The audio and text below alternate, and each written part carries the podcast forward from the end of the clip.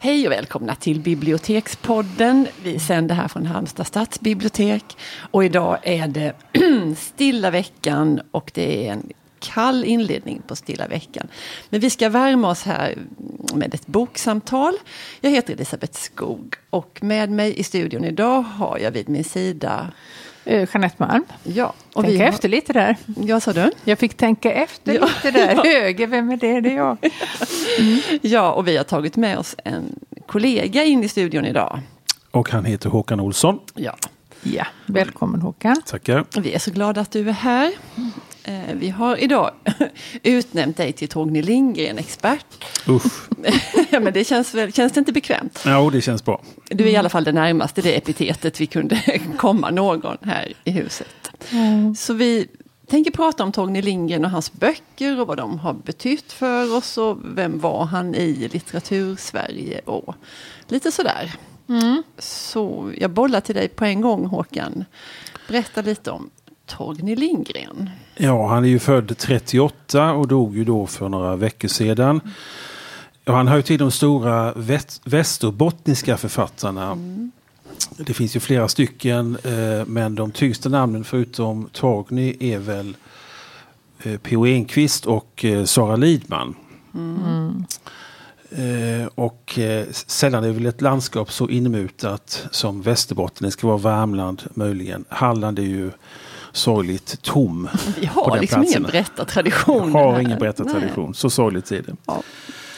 Eh, med Torgny Lindgren var det speciellt som så att han blev bara bättre och bättre. Vissa författare är ju bäst i början. Eh, mm. Typ exempel är ju Stig Dagerman som aldrig kom över början egentligen. Mm. Och sen sorgligt gick bort mycket tidigt. Eh, men Lindgren tycker jag eh, blev faktiskt starkare och starkare. När hans genombrottsroman Ormens väg på Hälleberget kom 1982 tror jag. Då hade han ju debuterat sen ja, på sent 60-tal. Mm. Skrivit några diktsamlingar och sen skrivit några mer eller mindre bemärkta prosaböcker. Men det här blev hans stora genombrott. Men han blev efter det bara, tycker jag, bättre. Mm. Då får jag säga en sak där, för han, blev ju också, han fick ju ett folkligt genomslag också med den boken. Alltså det var ju inte bara så att han fick fina recensioner och mm. förståsigpåare som gillade honom, utan Nej. den boken läste ju typ alla. Mm. Det är sant, eh, och den filmades så småningom också. Visst hade... Alltså jag är helt fel ute, men har inte Pernilla Wahlgren en roll i den filmatiseringen? Ja, Alltså sångerskan ja, Pernilla Wahlgren. Eh, Oj. Där, där låter jag, det låter jag vara osagt. Ja. Jag vågar inte som expert svara på detta. för att jag kan ha fel. Men jag har någon sån koppling. Ja. Eh, jag vet att Stellan Skarsgård var med. Det var han som var den onde köpmannen. Det är ju en hemsk historia om, om eh, en mycket bibliskt färgad historia om skuld, skam och hämnd.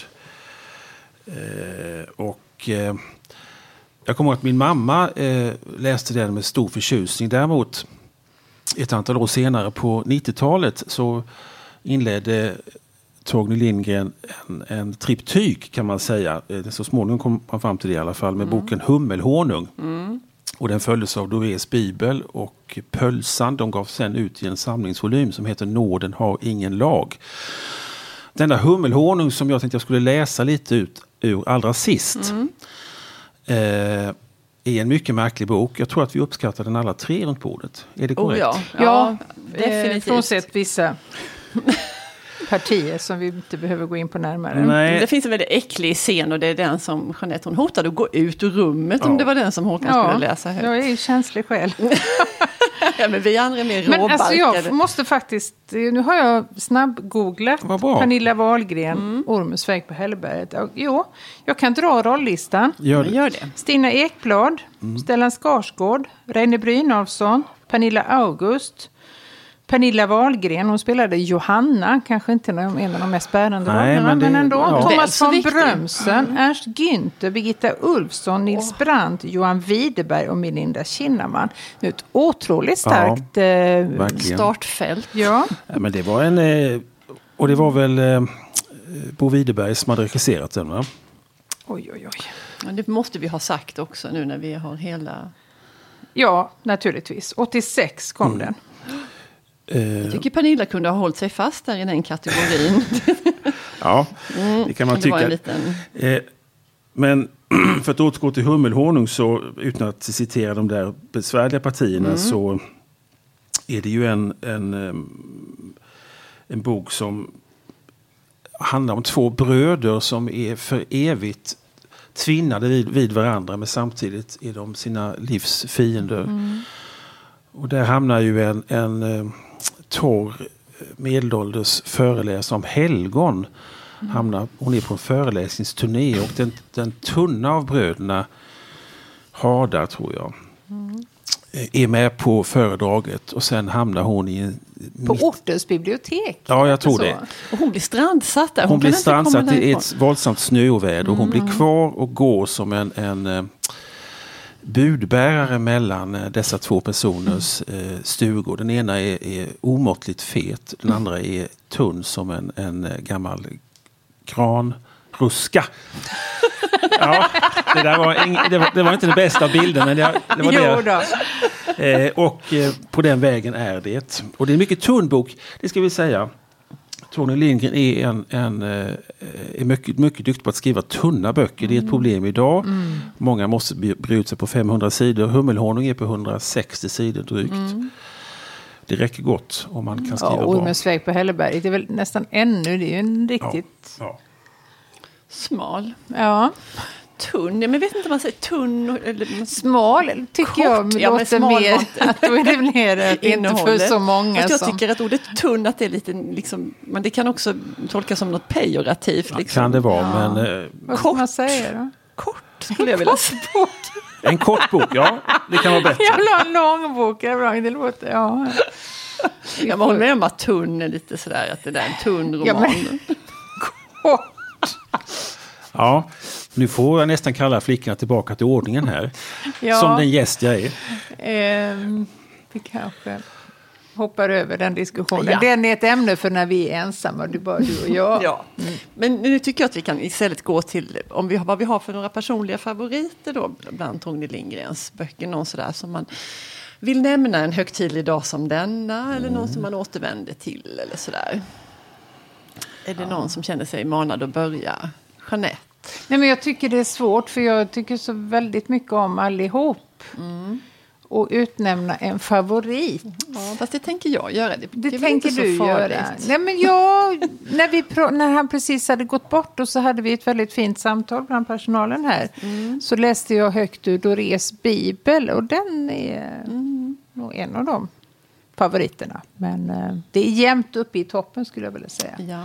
Den handlar om, eh, Dorés bibel är alltså en av de första, där får du nästan hjälpa mig. Men det är en 1700-talsbibel, väldigt rikt illustrerad med ganska explicita bilder. Stämmer det Håkan? Eh, du ja. har ju faktiskt ett exemplar hemma. Explicita bilder är helt korrekt, men Doré verkat på 1800-talet så att eh, övrigt var det helt korrekt. Ja.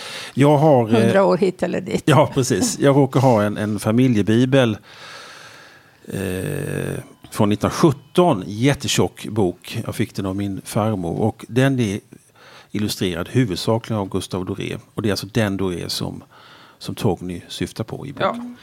Och då är det en eh, gosse som faktiskt är helt oförmögen att lära sig läsa. Han är fascinerad av språk och berättelser, men han, eh, bokstäverna det går inte in. Och han eh, tar då till sig bilderna i den här mm. Dorés bibel. Den är väldigt läsvärd. Mm. Elisabeth då?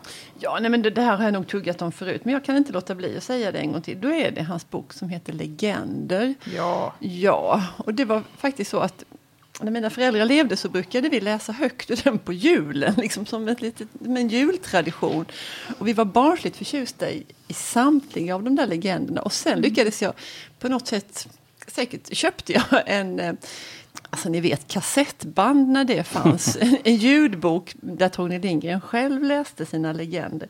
Mm. Och då övergick vi till att lyssna på hans inläsningar av dem istället. Och det, alltså, de är så fantastiskt bra. Och med risk för att bli tjatig, men jag säger i alla fall att Eh, Kommer det en liten lantmätarhistoria? är nu lant, historien om ja. lantmätaren som bottnar i historien om tre bröder som har mark in till varandra. Och för två av de här bröderna så har det gått bra i livet. Och de har gift sig, de har fått um, söta barn som tultar runt på domänerna och det växer och frodas. Och, ja, det har gått bra för dem. Den tredje brodern är liksom gall och det är armt och torrt och inte så fruktsamt där han bor. Han tycker detta är djupt orättvist så han kommer fram till att han ska ställa det här lite till rätta. Så om nätterna så går han ut och flyttar rågångsstenarna som märker ut hans eh, mark. Och han flyttar dem lite, lite, lite grann i taget. Omärkligt. På det att ingen ska förstå vad han håller på med. Och så där håller han på och tiden går. Och till slut så upptäcker ju ändå bröden att nej men hur var det nu den här lilla bäcken pålade inte den fram på min mark och nu ligger den på brorens mm. Och den här ståtliga granen vill jag minnas att den stod på mina domäner, säger den andra. Och, ja, och detta leder till att de får beställa dit en, en lantmätare som ska bringa reda i detta. Mm. Eh, och lantmätaren kommer och huvudpersonen blir ju lite orolig och stressad av detta. Så han, börjar, han försöker förhala själva mätandet. Så han börjar med att bjuda honom på gröt, lantmätaren.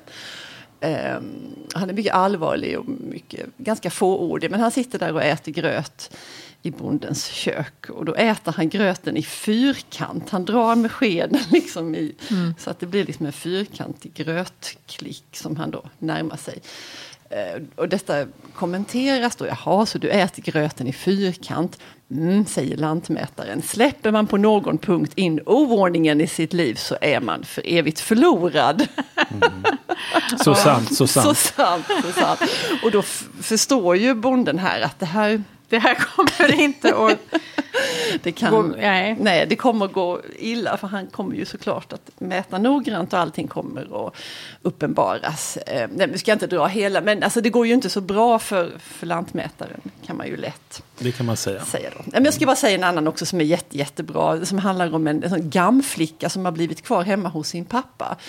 Um, och hon sköter om honom. Och, och samtidigt så på något vis inser hon ju att det finns ju ett annat liv här utanför pappas stuga. Så hon ska ju ge sig iväg och göra lite olika saker. Hon har några kusiner som hon vill träffa och det finns en porslinsfabrik som hon vill jobba på. Och, ja, livet väntar ju där utanför pappas stuga helt enkelt. Men, och så fort så hon är beredd att ge sig iväg och väskan är, är packad så blir pappa sjuk. Han får väldigt märkliga krämpor. Vid något tillfälle så blir han blind. Jättekonstigt, han ser ingenting. Och då får hon ju ställa in sin avfärd. Och så går det något år igen och framåt vårkanten där så är hon beredd att ge sig iväg. Och, och då får han någon annan krämpa, då kan han plötsligt inte gå. Och, ja, sådär. Mm. Ja, fant- ja, nu ska jag inte orda mer om detta, men fantastiska Men du, den här inläsningen, är den överförd i något som går att tillägna sig nu. Du ja. pratar om kassettband. ja. Det kan bli svårt. Finns som CD-bok. Finns som CD-bok. Ja. ja. Och Håkan, vad har ja, du för Jag några... kan ju tillägga att Legender eh, kom 1986. Mm. Eh, ja, jag har flera stycken och det är som sagt inte minst de, de senare. Eh, Hummelhonung har jag ju nämnt. Eh, eh och boken eh, Norrländsk akvavit. Mm eh, som kom några år in på, på 2000-talet som ju handlar om en eh, en, en, predikant som för länge sedan eh, åkte land och rike runt i Norrland och frälste människor. Men han har liksom tappat tron på gamla dagar eh, och får nu för sig att han ska avkristna dessa frälsta personer. Problemet är ju att det låter sig inte så lätt göras. Många. Ja, många har redan gått hädan. Eh, och eh, den är, tycker jag, en, en sån eh, liten pärla. Och faktiskt också hans allra sista bok. Eh, romanen Klingsorg. Mm. Ja, som kom så sent som för två år sedan tror jag. 15.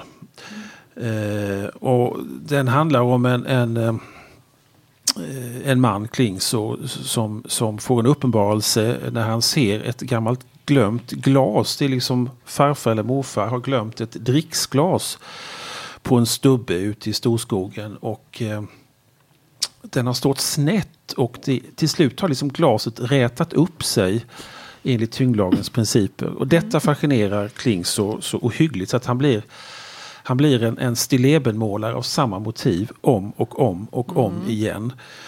Eh, ett, ett byoriginal, eh, helt utan begåvning men en, eh, Men han är ändå ihärdig. Han är mycket ihärdig. Alltså, han är någon sorts, eh, vad ska man säga, västerbottnisk eh, variant på Florence Foster Jenkins. Eh, han är helt övertygad om sin egen förmåga. Ja, han är det. Eh, och sen träffar han en kvinna och det går inte så jättebra. Men den är också mycket läsvärd. Alltså man får ju säga så här att vi har inte sagt så mycket om, om det Lindgrenska språket. Men det är ju ändå det som står mm. i centrum. Han, han har ju en, en väldigt eh, tydlig diktion. Han skriver någon sorts eh, biblisk västerbottnisk eh, variant med, med ett väckelsespråks mm. eko. Mm. Eh, man känner igen honom omedelbart och jag tror han är nästan omöjlig att härma faktiskt. Men mm. detta språket, mycket strängt, samtidigt är det ju väldigt humoristiskt. Eh, någon beskrev Lindgren som en, en eh, humoristisk pessimist. Mm. Och det är inte så dumt. Nej. För hans livssyn är, är, som den framkommer i texten är väl kanske inte så helljus.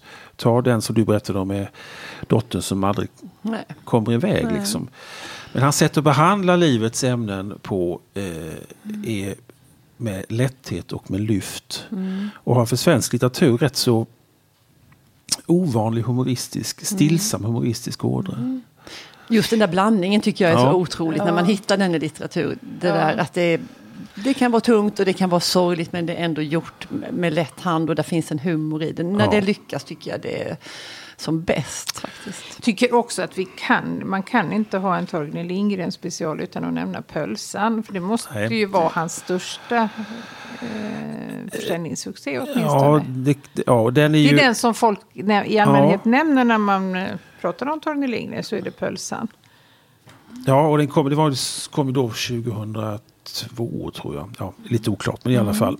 Dra den i korta drag. Ja, alltså den handlar ju om en... Eh, Ja, det, är svårt att göra, det är svårt att dra det i korta drag. Men ja, den är långa. Vi, vi säger så här, en, en, eh, den, den nazistiske koryfén Martin Bormann som ju med all säkerhet dog de sista dagarna av kriget i Berlin. Han har tagit sig till Sverige under antaget namn och reser runt med en, en annan person, huvudpersonen. Och man kan säga så här att deras främsta mål är att eh, att ä, laga och äta den definitiva pölsan. Eh, boken är fylld av recept, mm. faktiskt sida upp och sida ner på den, ja. på den, den där riktiga pölsan. Um, Pölsornas pölsa. Liksom. Det kan man säga, ja. men det visar sig också att det, det, är farligt att, att liksom nå allra längst. Det här är mm. matens heliga graal och den bör man liksom undvika. kan man säga. Den, den är, måste läsas. Eh, och eh, pryds av en målning av Helmer Oljelund, tror jag, den store norrländske landskapsmålaren. Ja. ja. Det är en bra ingång till en eh, helt ny Torgny Lindgren-läsare. Ja, det? jo, det måste man ju säga. Jag tycker det. Ja. Eh, sen läste vi också att eh, Torgny Lindgren då, förutom att han är oerhört läst och älskad i Sverige, så hör han till våra mest översatta författare. Och det är för mig ganska obegripligt.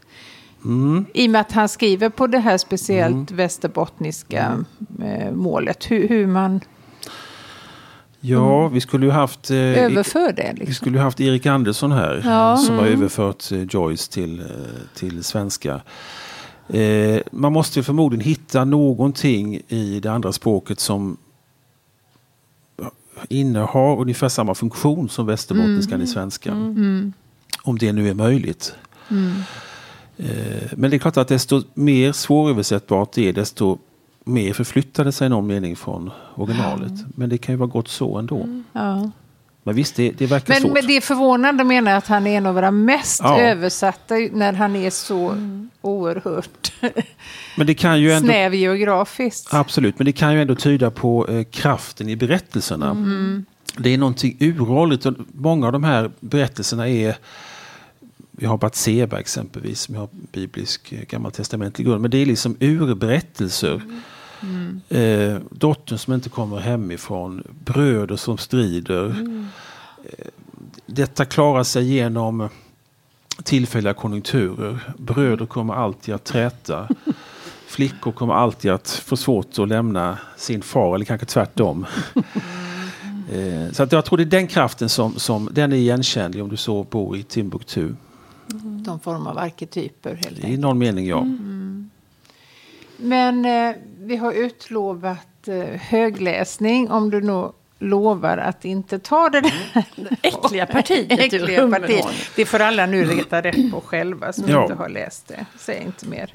Nej, Varsågod. det ska jag inte göra. Jag ska läsa Nej. en sida ungefär ur, ur Hummelhonung. Mm. Och du har precis eh, den här föreläsaren eh, hållit sitt föredrag eh, och eh, ska då åka hem eh, tillsammans med Hadar. Hon var en ensam kvinna i sitt 45 år en främmande människa söderifrån som skrivit böcker om kärleken och döden och helgonen. Böcker som nästan ingen brydde sig om att läsa. En föreläserska med en röst så sorgsen och gäll och entonig att den aldrig kunde övertyga någon om någonting. Hennes utseende var magert, vast och slut, slutgiltigt.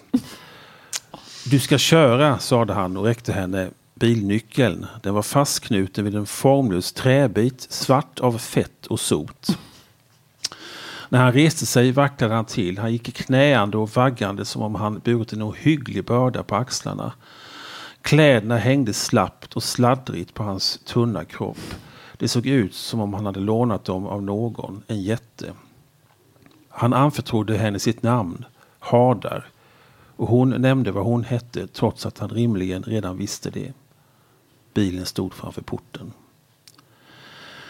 Det är inte särskilt långt, sa han. Bara några mil.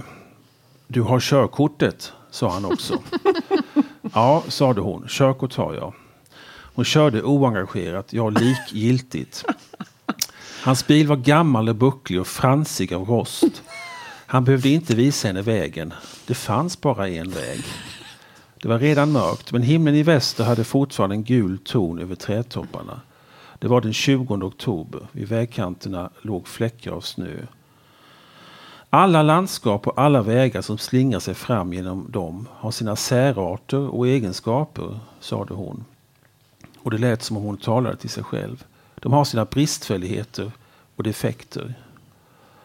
Det här är en smal och rak väg genom ett risigt landskap. Nu ska jag aldrig mer köra bil, sade han. Nu har jag kört bil för sista gången. Som en liten oh. Pro provkarta på hans språkliga mm. briljans. Och sen så uh, utvecklas sig romanen till en envig mm. med en budbärare. Mm. mm. Ja, det här var jätteroligt. Du är välkommen åter Håkan. Jag hoppas vi får tillfälle att bjuda in dig. Tackar. Det får vi säkert. Tack för idag. Ja, tack. Hej. Hej då.